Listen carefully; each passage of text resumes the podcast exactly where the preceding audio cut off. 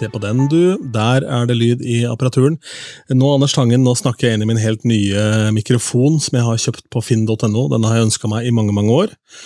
Og så har jeg etter hvert skjønt at hvis jeg selger alle de andre mikrofonene jeg har kjøpt istedenfor denne, så har jeg råd til den med god margin. Eh, så jeg rett og slett har lært å bruke kalkulator, så nå har jeg fått meg da for spesielt interesserte en Electro Voice RE20. Og hvis du er lydinteressert, så kiler litt da på steder på kroppen du ikke visste det gikk an til å få gåsehud nå, for dette er, eh, dette er legendariske saker. Det er en mikrofon brukt av blant annet Stevie Wonder til å spille inn eh, et av hans beste album, så her er det ting og tang. Mens jeg sitter her med en Racer kjøpt på Elkjøp Lørenskog men det er overraskende fin lyd på deg for det, altså, Tangen. Eh, I hvert fall nå som du hviler den raceren på ditt nakne lår. Ja. Um, og um, vi kan vel starte med ditt alter ego denne gangen. Prompekålmannen, en Beck-film. Altså, dette her blir mer og mer avansert for hver dag som går. ja, nei, jeg tror at jeg uh, egentlig kunne ha vært en sånn karakter i en sånn Beck-film. Altså disse her svenske filmene, Sjøvall og Valles uh, krimfigur, uh, svenske filmer med han naboen og fullpakken. Nå er han dessverre død, da, men uh, dette er jo filmer som er ganske sånn mørke, men litt gubbete. og jeg, jeg har egentlig følt meg som hovedperson i en sånn Beck-film i dag, fordi jeg har lagt alen til min vekst som raring i dag, må jeg si, i dag og i går, fordi at det er eh, Jeg elsker jo fårikål. ok. ja, jeg ser hvor dette bærer. Det er eh, noe av det beste jeg veit, og det viser seg at familien min de tuller ikke engang når de virkelig hater den fårikållukta. Altså, de, de, de syns den er så fæl at de blir kvalme, og de nesten kaster opp. Så på søndag så måtte de sitte og spise uh, burgere, mens jeg satt ute i litt sånn halvdårlig vær og spiste fårikål for andre dag på rad. Og så lukta Kjøkkenet er like ved jenterommet, og det er der jeg sitter nå, da, fordi jenta måtte sove nå inne på kontoret av denne fårikållukta. Uh, så det har sevet inn fra utekjøkkenet, eller en sånn kokeplate. For jeg har lært meg at jeg må lage fårikålen ute, men nå har jeg jaggu vært nødt til å begynne å spise den ute også, så dette begynner å bli rarere og rarere. Og jeg, har jo naboer som har vinduer, og det er jo noe med at jeg blir han derre mannen, og, og jentungen kaller nå fårikål bare for prompekål, fordi hun syns det lukter promp. Og jeg eh, og jeg syns at Prompekålmannen synes jeg er en sånn perfekt Beck-tittel. Det er litt sånn der Kålmannen, og de har sånn eh, Lasermannen Det er forskjellige sånne titler da på disse filmene her, så jeg tenker at eh, hvorfor ikke lage en, eh, en Beck-film om meg? Men det mørke forsvinner jo litt i det du slenger promp inn i miksen. da, Prompekålmannen, tenker jeg. Eh, ja, men Kanskje bare Kålmannen?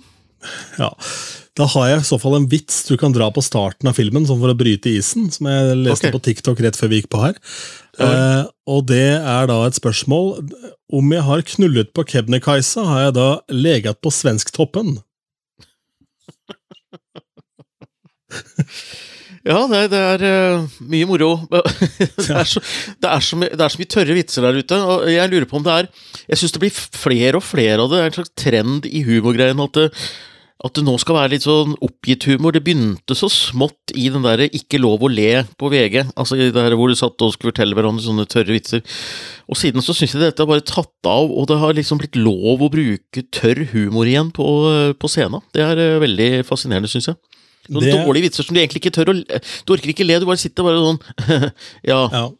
One-liners og slapstick er tilbake nå. Det betyr jo at det er en strålende framtid for Anders Tangen, da, tenker jeg. Uh, men uh, la oss snakke litt mer om fårikål, for jeg har uh, faktisk et par fårikålobservasjoner sjøl også. Eh, det ene er jo at min bror er jo helt på linje med din familie. altså Han hater den lukta intenst. Eh, min far og meg selv har ikke noe imot det, så vi spiser gjerne fårikål. Og da koser vi oss fælt hvis han kommer innom da på søndagen, for eksempel, når vi har fyra opp den for tredje dagen på rad, for det er da han begynner å bli ordentlig god og fått satt seg skikkelig.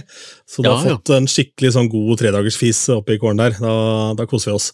Um, men det aller første møtet mitt med fårikål, da gleda jeg meg altså så jævlig. Det tar lang tid å lage dette. Men da ja. var jeg med min stemor og lagde fårikål og kappa opp kål og holdt på å styre og ordna. og så likte jeg det ikke. da var jeg Oi. kanskje åtte år. Nei, nei, nei.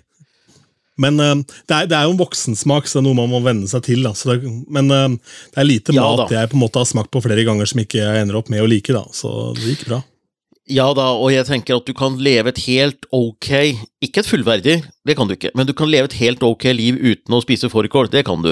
Men det blir aldri helt fullferdig, det gjør det ikke. Men du, du greier deg uten. Men det er mye du greier deg uten. Du greier deg uten skjorter også, du kan bare bruke T-skjorter for eksempel. Du greier deg uten en dressjakke, men det er fint å ha det. Litt sånn med fårikål. Du, du greier deg uten, men det er ikke fullverdig. Det er det ikke. Men sitter du på en måte pent kledd uh, ute på den der eh, balkongen eller terrassen din sånn alene og søler i deg den fårikålen? Fordi og hvilket forhold har du egentlig til naboene dine? Altså, Hvor godt kjenner de deg? Hvor Veit de at du er sprø som knekkebrød? på en måte? Noen veit nok det, og jeg kjenner dem ganske godt, men det er ikke sånn eh, På en måte, Nabolaget her er vel ikke sånn at man snakker så veldig mye dypt, men man hilser over hekken og sånn, og det gjør de sånn når jeg sitter ute og spiser fårikål også. Men eh, hva jeg hadde på meg Nei, jeg hadde ikke dress, men jeg har en sånn polyesterdress fra en sånn morobutikk eh, som er sånn leopardmønster med horn på. Det er sant. Ja, Du gjør det ikke lett for dine naboer å ignorere deg, i hvert fall. Det skal du, det skal du jammen ha. Så jeg satt jo i den, i den da. Ja. Og så lurer de på hvem er denne fyren her, så googler de Anders Tangen, og da kommer det opp en bare hel haug med surr fra disse foredragene dine, og at du har gitt ut deg låt i voksen alder, og at du har og mista en hel haug med nøkler og mobiltelefoner og alt mulig rart. Jeg føler meg litt Tangen nå, for jeg har forlagt brillene mine en eller annen plass. Jeg klarer ikke å finne dem igjen. Um, Du har briller på deg nå, bare sånn at du Jo, men jeg har flere par. Så Så ja. mitt favorittpar med briller, mitt nyeste par, eh, aner jeg ikke helt hvor det har blitt av.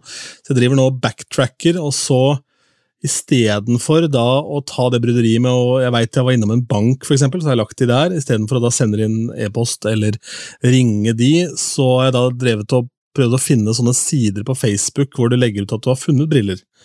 For jeg føler at det kanskje, selv om det har tatt voldsomt lang tid, da, så føler jeg at det er mer stas da å kunne sende en melding til noen og si ja, det er mine briller, enn å på en måte må bli han fyren som må ringe hele nabolaget rundt for å høre. Eh, og du kan banne på at de sikkert ligger på bensinstasjonen, hvor jeg har fortrengt at jeg spiste tre boller eller et eller annet, som da kommer for en dag senere her. et eller annet Ja, og så er det det at det er sånn som når du mister Du, du vet ikke hvor de er hen, og så er de de er så små, det er så, det er så liten plass på briller til å merke dem også. Eh, Du kan, du kan merke brilleetuiet, men det, det legger du aldri fra deg, på en måte. Altså, det er jo brillene som blir borte. Jeg har et par solbriller med styrke som er ganske nye, som ligger et sted i Kristiansand, og jeg har drevet ringt rundt til alle steder jeg har vært, og finner ikke dem heller. Og det- Og de koster jo noen lapper, da, så er solbriller med styrke, så det var fryktelig irriterende. Og de rakk jeg aldri å merke verken etui eller briller, så Men kanskje Ja, finnes det en sånn side, eller var det bare noe Finnes det en side, eller var det bare en idé Ja, det er jo sånn, det er sånt øh, det- funnet og mistet sånn type sider for forskjellige steder. Og så veit jeg at jeg var da i Follo-traktene her, så jeg Ja. var inne og kikka der. Men der var, det var en del katter og sånn, og så var det veldig mye briller, egentlig. Men det var ingen som var mine, da. Og så var det jo, idet du søker opp på Facebook, kommer inn der, så får du opp da sånn poster som er fem år gamle. Og Da fant jeg et par briller som ligna på mine, og så fikk jeg jo et håp, men det var oppe i Alta, så da var jeg på feil side. Eh, så hvis noen har stjålet mine briller uh, For jeg har pluss på det ene øyet og minus på det andre, så det er i så fall en meget uh, meget Han føler seg vel bedugget, han stakkaren som har stjålet brillene, i hvert fall. Han ser, ser vel i kryss. Men nok om brillene mine, slett. Du har promillebriller, rett og slett. Ja, ja. Jeg har ølbriller ferdig eh, implementert, jeg, eh, uten problem. Mm. Skal vi eh, gyve løs på litt Eurovision-stoff? La oss ta noen Ja. ord om den finalen vi glemte sist uke, for da pratet vi om så mye annet tull, og så hadde vi hatt Stig innom, og det ble, alltid litt sånn satt ut når sjefen kommer. Men eh, 2023 er jo naturlig avslutter av vår serie, hvor vi har hoppet ti og ti år framover med. Hva tenker du om årets finale, da? Nei, jeg tenker at eh, jeg syns vi var smarte som valgte å snakke om disse her eh, treerne hvert tiår som slutta med tre, fordi at de, eh, de er så illustrerende, og det er nesten magisk hvor bra Norge gjør det da med Alessandra ikke sant, i eh, 2023. Det jeg sitter igjen med, er hvor stusslig på en måte det var uh, rundt Alessandra i Liverpool når det gjelder fans. Fordi du hadde Kerja ikke sant, som kom med denne badstuebussen sin. Du hadde Lorraine-fansen som var helt gale overalt med Sverige og slo veldig ring om, uh, om Lorraine. Uh, Alessandra ble nesten litt ensom der nede, fordi vi var bare 28 stykker fra den norske Grand Prix-klubben med noen sånne røde T-skjorter, så det ble litt, litt lite aktivitet rundt henne. Uh, det er det jeg har tenkt litt på, til å gjøre en så fantastisk femteplass. Men det er jo litt pussig også, for hun jo, hadde jo en stor fanbase gjennom sosiale medier, ja. hadde gått viralt der. Eh, men det er kanskje ikke sånn i eh, Eurovision. Heier man på sitt eget land uansett, eller heier man på en sang man syns er best? Det er jo veldig mye lands... Eh, altså, man stiller opp ofte med flagg og effekter fra det landet som du er fra. Men så kan du sitte der egentlig og heie på noen andre også, og det finnes jo av og til at man ikke heier på sitt eget land fordi man ikke kan like låta, men jeg tror nok alltid at man eh, viser seg liksom som at man er norsk. Det har også litt med det sosiale livet å gjøre. ikke sant? Fordi at det er noe, Når du er på Euroclub eller du er på et utested eller går rundt i byen, så er det litt moro å vise at jeg er fra Norge, er du fra Norge? Ja, men da tar vi en liten prat og tar vi en øl sammen. Det er sånn tydelige signaler. Så men jeg, det hang jo bare rett og slett bare sammen med at det var så dyrt å reise i år, og var dyre billetter, eh, og at det da ble færre nordmenn som eh, reiste nedover. Men det har jeg liksom bare tenkt på at det, det, det, var lite trøkk rundt Alessandra egentlig i salen fra et norsk miljø, men hun hadde jo masse fans fra alle, så hun fikk jo kjempeapplaus, og salen heia det fram, det var ikke noe gærent med det. Men det, jeg håper at vi i 2024 får til det litt annerledes. Men så skjerma de jo henne litt òg, da. De var jo opptatt av på en måte at hun eh, ikke skulle være så mye rampelyser her. Og så sier det seg selv at det ikke tar seg spesielt godt ut å stå utafor hennes hotell da, og ha flagg og faner og hornmusikk, da, hvis du egentlig er med delegasjonen til, til Bulgaria, på en måte. Altså. Nei. Altså, det er helt riktig at hun ble skjerma, og det var nok riktig på mange måter. Hun skal ikke huske Man skal ikke huske, man skal huske at, at, at Alessandra var ei ung jente, var vel 19? Eh, så hun trengte jo den beskyttelsen der, og så var hun vel ikke helt i form, så hun kom jo heller ikke på denne Euro Village, hvor hun skulle ha en konsert og møte fansen der også. Og så er det noe med det, og det skal man ta med, at Lorraine viste seg jo heller ikke noe særlig eh, for fansen, fordi hun var så ekstremt populær at hun var på en måte denne mystiske dama som var litt bak. Og Keria gikk jo heller ikke rundt og hang, fordi at de, de var så store favoritter. Og Alessandra var i den ligaen der, altså, faktisk, og de trekker seg litt tilbake av gode grunner, av sikkerhetsgrunner også, faktisk. Selvfølgelig, men der hvor Lorraine har da legendestatusen, i og med at hun har vunnet før, stiller opp igjen, eh, og Kerja er jo eh, Ja, det er det det er, da. Eh, veldig mye ut av Altså, ja, ekstremt ekstrovert nummer, rett og slett. da, Så er jo da, selv om Alessandra hadde masse selvtillit og sånn i det hun gjorde, så blir jo det en helt annen type låt, og en helt annen type framføring enn det vår finske venn stilte opp med. så vi får se nå, da. Nå er det jo kort vei fra Norge, så vi håper at det er mer mobilisering nå. Men jeg tenker også at hvis det er kostnaden som er problemet, så er det vel eh, kanskje vi som bør ha råd til det. da. Eh, på kloden. Ja da, og så er det jo mange måter å heie på. Jeg tenker at uh, Nå har du to byer å spille på. Du kan bo i Malmö, eller du kan bo i København.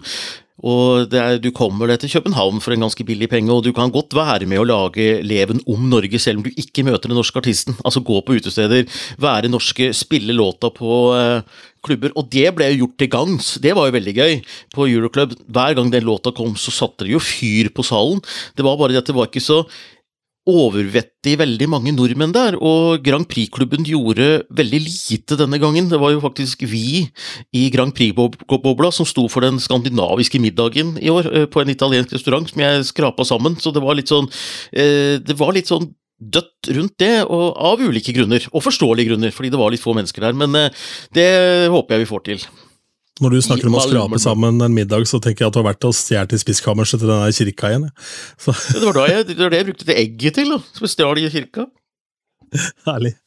Det blir neppe noe særlig rabalder rundt Monaco heller, for de blir jo da ikke med i 2024. De har uh, eh, fått en eh, rikskringkaster nå, altså de har mulighet til å være med, men den kom vel på lufta 1.9., så det var vel litt knapp tid der. Men nå er det i hvert fall bekrefta at de ikke er med, og så er det snakk om at de da skal prøve igjen da i 2024.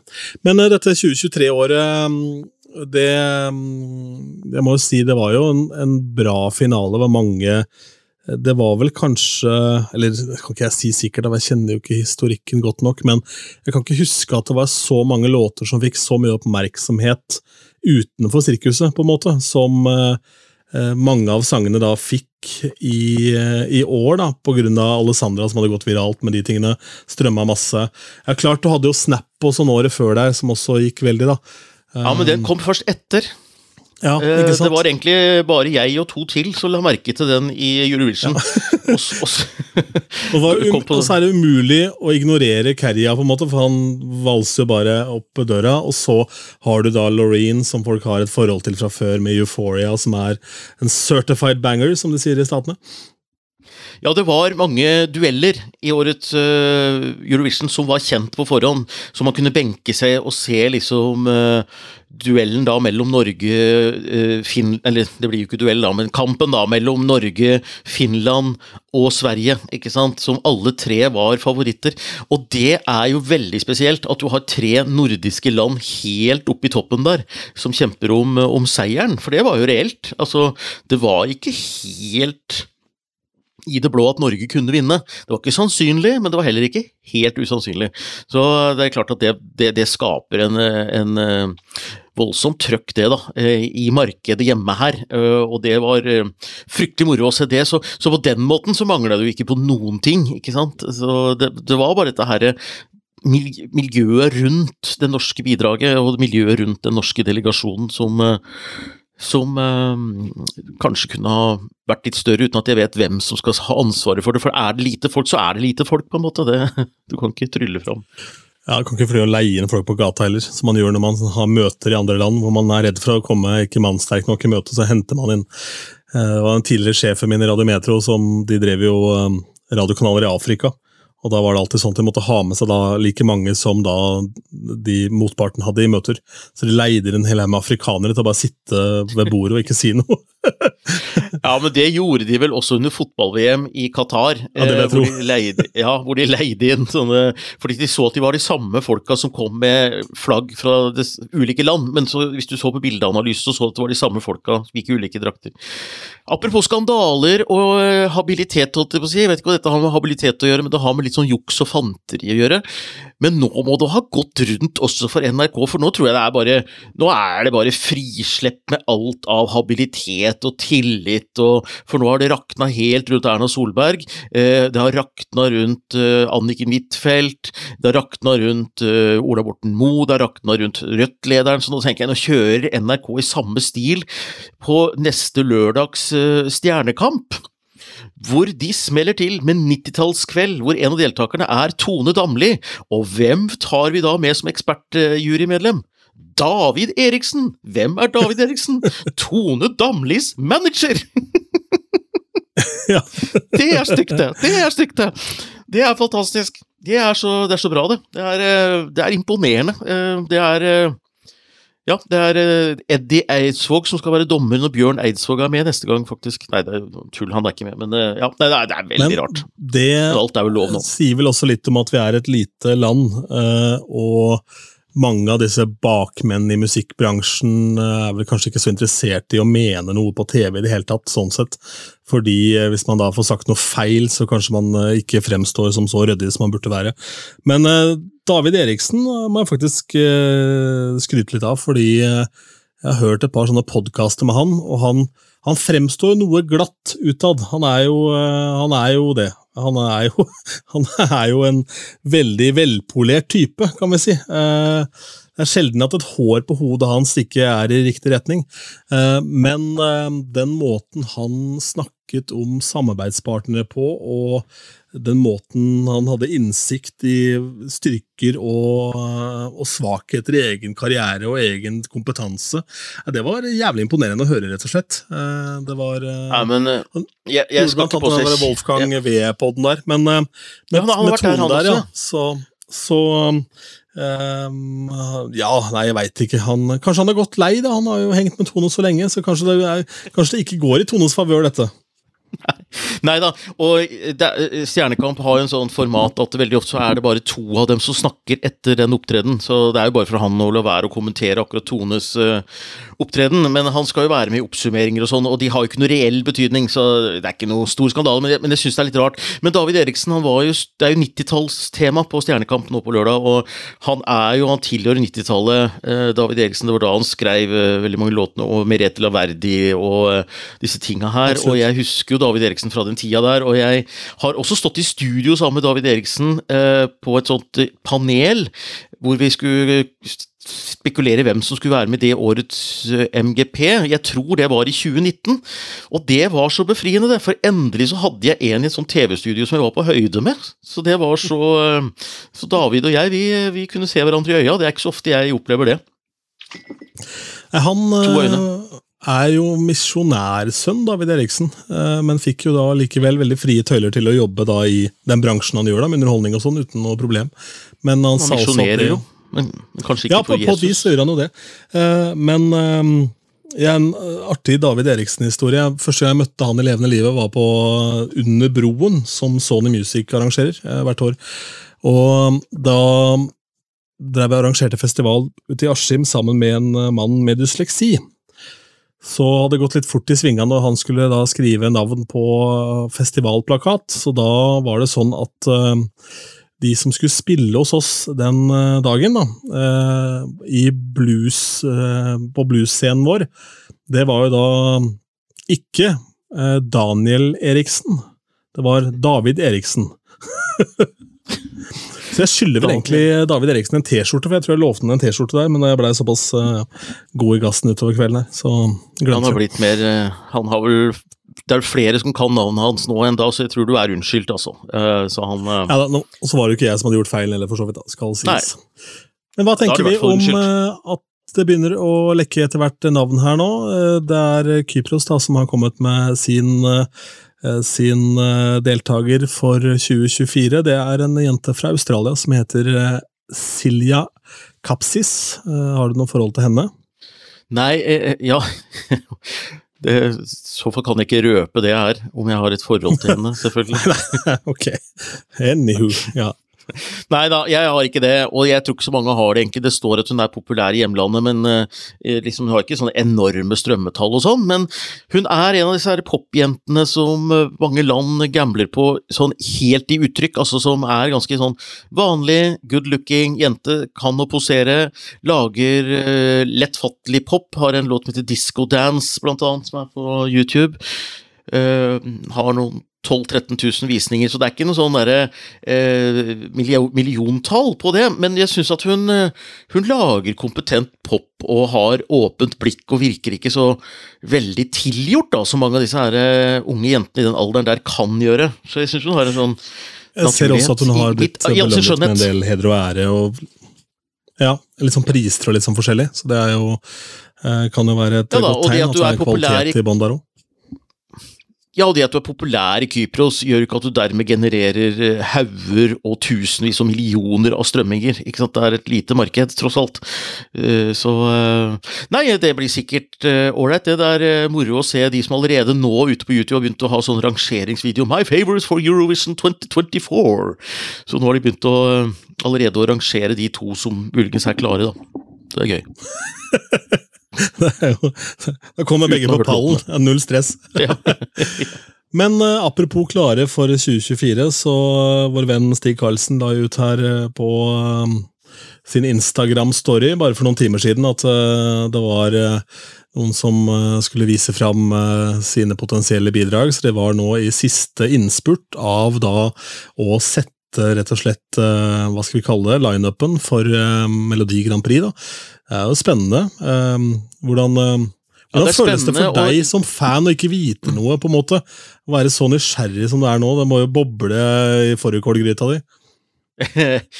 ja, jeg eh, Det som er vanskelig, er at jeg har ikke tid til å være sånn detektiv som jeg var før. For jeg har fått meg sånn dagtidsjobb, så jeg, jeg har andre ting å gjøre enn å sitte rundt og snoke i Insta-kontoer, liksom. Eh, før så kunne jeg bruke mye mer tid på det, og det var veldig gøy. Så jeg vet veldig lite, men jeg er jo like spent, og det er vel så gøy, for da kan jeg bli overraska. Men det som jeg syns er en sånn skal vi si en revers da, av den nye ordningen til Stig, det er jo at eh, låter som er gitt ut etter 1. september At låter som er gitt ut etter 1. september nå kan være med i MGP. Og det vi har tenkt på og snakket om, det er jo at det betyr at alle låter som kommer nå, kan få lov til å bli med i MGP.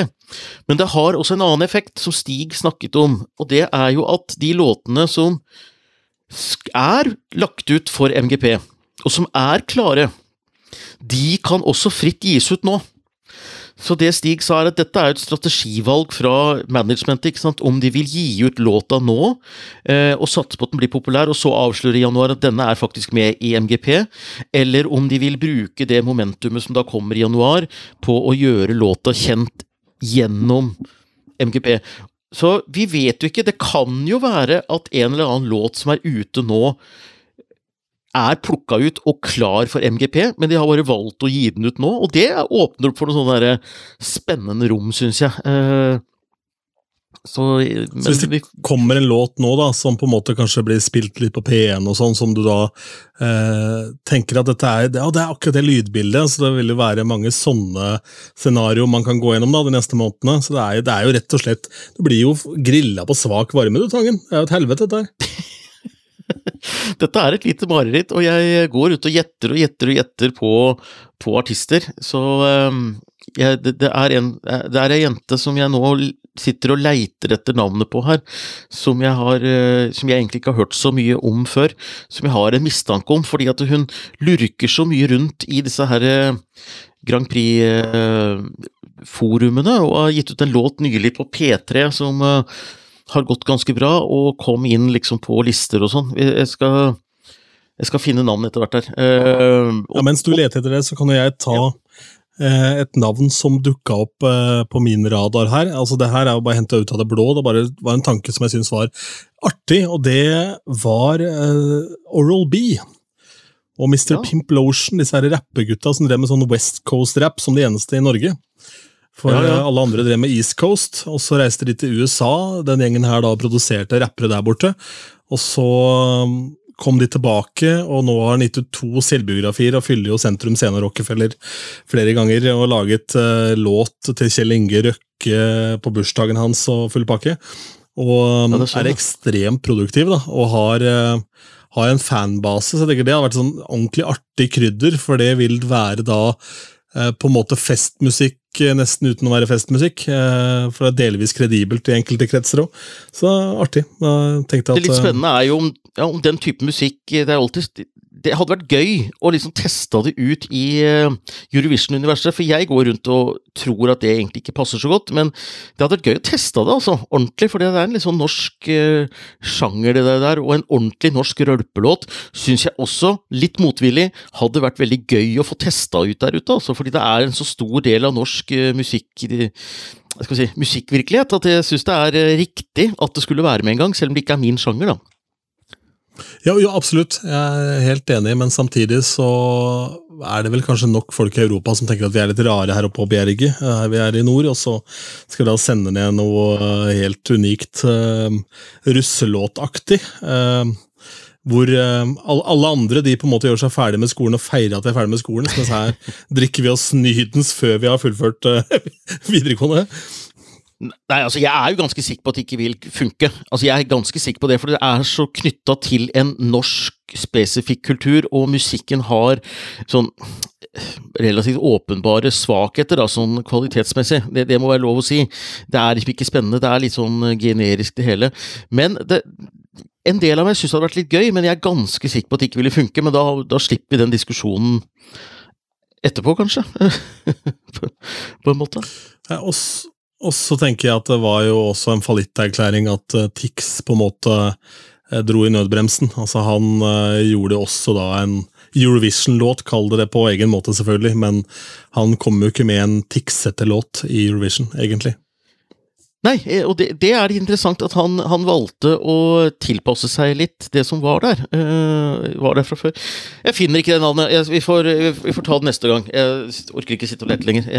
det er ei ung jente, uh, 17-18 år, som jeg Ja, som er på spillelisten ja. til P3 nå? ja, det er ei. Uh, som heter Body Låta heter Body Armor, tror jeg den heter. Å ja. Ja. Uh, Du kan jo søke det. Jeg kan også. Martine Reisch. Ja, ja, stemmer. Ja. Jeg har litt følelsen på det, at der kan det være noe. Ja. Nei, men Det er kult. Det er et nytt navn for meg også. Jeg skal gå inn og høre på den nå. Uh, ja, men det er spennende. nytt navn. Hun hadde, hun hadde ganske stort sånn release, og hun kom Jeg tror hun har kommet med en ny singel nå, og er liksom Er veldig på, da. Og jeg ser liksom at eh, det er veldig koselig, det. altså Hun liker jo Hun er inne hver gang jeg legger ut noe, denne låta Mi to øyne, så er hun der. Eh, og jeg har et sånt navn som jeg tenker liksom sånn der, er litt knytta til dette miljøet. altså Hvorfor hun liksom plutselig er så opptatt av denne låta mi og sånn. det er litt, det er litt Jeg blir litt mistenksom, og det er hyggelig, det altså. Veldig, veldig hyggelig er det.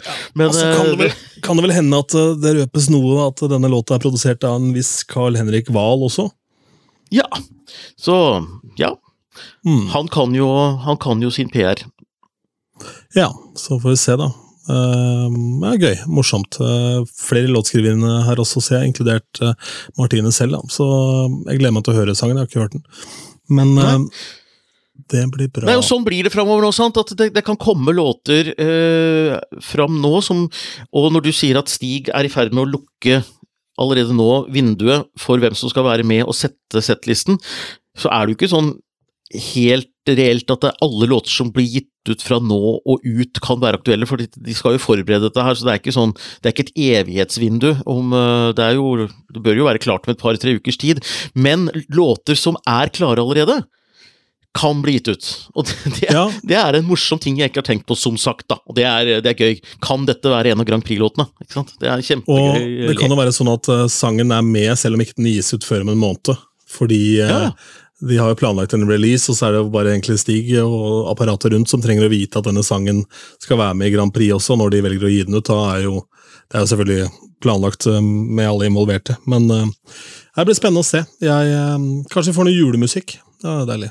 Åh, ja Åh, P4 lanserte, hadde premiere i dag. Å, på, I dag var juleradioen i gang, og vi på jobben der, Jeg jobber som karriereveileder for å hjelpe folk ut i jobb, og der har vi hatt den, der, den den P4-kanalen stående på for å ha litt musikk i lokalet. Eh, jeg skal ikke gå inn i dybden, men jeg sitter da ute i sånt åpent landskap og er jobbsenteransvarlig for å hjelpe folk med CV og søknader og sånn, og går rundt, og da har vi litt en radio stående på.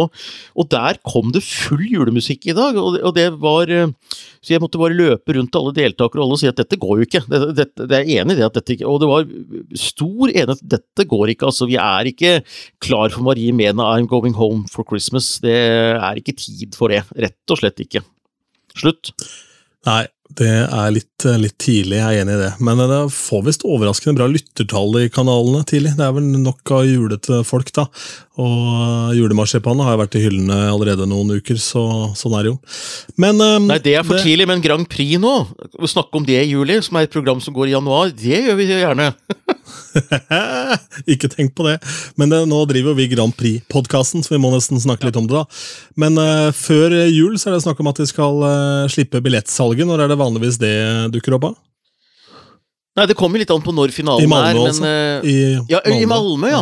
At det skal slippes i desember. Jo, men det er omtrent uh, Ja, det er vel i løype omtrent, det. Kanskje litt tidligere enn det var Ja. i fjor, men i fjor var de seint ute. Ja, ikke sant? Ja, Det kan jo være. Ja, For i fjor så var det jo mye logistikk. De måtte flytte på artister og alt mulig rart da, i venuen. Der. Ja. Så det var jo, Og så arrangerte jo England på vegne av Ukraina, så det var jo en helt spesiell situasjon. Men um, har du på disse årene, da, siden 2015, da Australia var med for aller første gang i anledning 60-årsjubileet til Eurovision, har du da blitt glad i Australia? For nå går avtalen ut, nemlig. Har det Ja, blitt den en sånn det. del av Eurovision som man uh, venner seg til at skal være der, eller har det vært litt sånn så For meg som ser litt i ny og ne, så har det alltid vært litt sånn odd. Og der kommer Australia! Det er kjemperart at de er med, og så er det litt dypere sett ikke så veldig rart, egentlig. Så, eh, fordi det er jo på mange måter et europeisk land. Det er jo europeere som dro ned dit. Det er jo straffanger som dro ned dit for å eh, eh, for å sitte i fengsel. Ikke var velkomne i hjemlandet sitt lenger. Så det er jo kriminelle, stort sett, som er der. Eller ett. et Ja, det er det det er. Og så har du jo samme konge som, som UK, da, for så vidt. Ja, ja så, så eh, tilknytningen er der, og, og jeg syns at uh, Har du Altså, har du invitert liksom onkel Arild inn til konfirmasjonen? Og alle lurer på hvorfor kom onkel Arild. Onkel Arild skal ikke være her, han har aldri vært på noen ting før. Hvorfor er onkel Arild her? Og han blir og blir og blir og blir. Og så skal han liksom, idet den store talen kommer klokka ni Nei, du kan ikke være her. Og da blir han kasta ut. Det er jo kjemperart. Altså, nå er Australia invitert på denne festen. Du kan ikke hive dem ut sånn plutselig etter ni år. Det, det går bare ikke, det. Så de, de, skal være der, og uh, la dem holde på. De tar det stort sett alvorlig uh, og syns dette er gøy. De har høye seertall. Veldig imponerende, for de sitter og ser på dette klokka fem om morgenen. altså. Mm. Så de har dette som en sånn breakfast club-arrangement, hvor de sitter og drikker øl og spiser uh, Jeg tror de har blitt veldig vant til at eh, veldig mye underholdning går så tidlig, i og med at de ligger der de ligger. Men det, det, det du sa der med at de har bra seertall, det er akkurat nøkkelen til at de aldri kommer til å bli hivet ut. For EBU er så kåte på de høye seertallene eh, at eh, de kommer til å kjempe med nebb og klør for at de skal, skal bli værende. Og jeg tror vel også at det har blitt en del av identiteten til australierne etter ni år. Men, ja, og, og hvem skal liksom protestere, og hvorfor? Altså, ja, og... hvem, hvem, hvem, taper på at de er der, på en måte? Ja, også Avtalen går ut nå. Niårs avtale. og Det er rart, det også, for så vidt. Det, pussig. det må være etter neste år, da. Må være det. Ja, det må være det. Da har det blitt ti år, ikke sant. Ellers så syns jeg jo at uh, Du spurte om du er blitt glad i dem, og låtene varierer også derfra, men jeg syns jo de, de starta veldig sterkt med Guy Sebastian, som jo var en populær artist også i Norge. Uh, hadde hatt noen hits før han var med, og den aller beste av dem alle syns jeg var uh, Damie Im, eller hvordan han uttaler navnet sitt, Dami Im, med Sound of Silence som er kanskje en av de beste låtene i eh, Eurovision, syns jeg, som kom på andreplass. Så eh, de Nei, de har eh, De sparker fra seg, altså. Jeg tar en liten anekdote om onkel Arild før vi sier takk for oss. Ja, gjør det. Jeg har en onkel som heter Arild, faktisk. Ja, det er han jeg snakket om. Ja, Nei, det tror jeg ikke det var. Men aller første gang i livet jeg var på fotballkamp, var sammen med onkel Arild og min fetter Andreas. Og da var Moss i Eliteserien, skulle spille mot Vålerengen på Ullevål. Og vi kjørte da innover. Jeg var ikke veldig fotballinteressert, men det var jo de to andre. Heia på Moss og gleda seg veldig til dette her. Og så viser det seg at onkel Arild har klart å kjøpe da billetter blant Vålerenga-fansen. Ok. Så vi sitter på feil sted på stadion. Nei, nei. Og Vålerenga Kler du da deg ut som Vålerenga-fan, eller hva gjør du? Ja, nei, Kler du da deg ut som Vålerenga-fan og prøver å blende inn, eller? Nei, det var jo Jeg veit ikke hva fanklubben til Moss het, det er Mossekråkene eller noe sånt, men det var ikke noen kråker involvert. i hvert fall. Og det var ikke noe, hadde ikke på noe skjerf eller noe sånt heller, det var bare at man heia på de. da, så Det det endte opp med, var at vi turte å heie da Vålerenga nesten scora. Men at keeperen redda, ikke sant, da kunne vi juble. For da var det nesten mål ja. Eh, for Vålerenga. Ja. Og så ble det da Så jeg tror de tapte 3-0. Altså var veldig annen hadde en sånn merkelig merkelig seanse i bilen etterpå, fordi jeg tror han skamma seg litt for han klarte å kjøpe de billettene.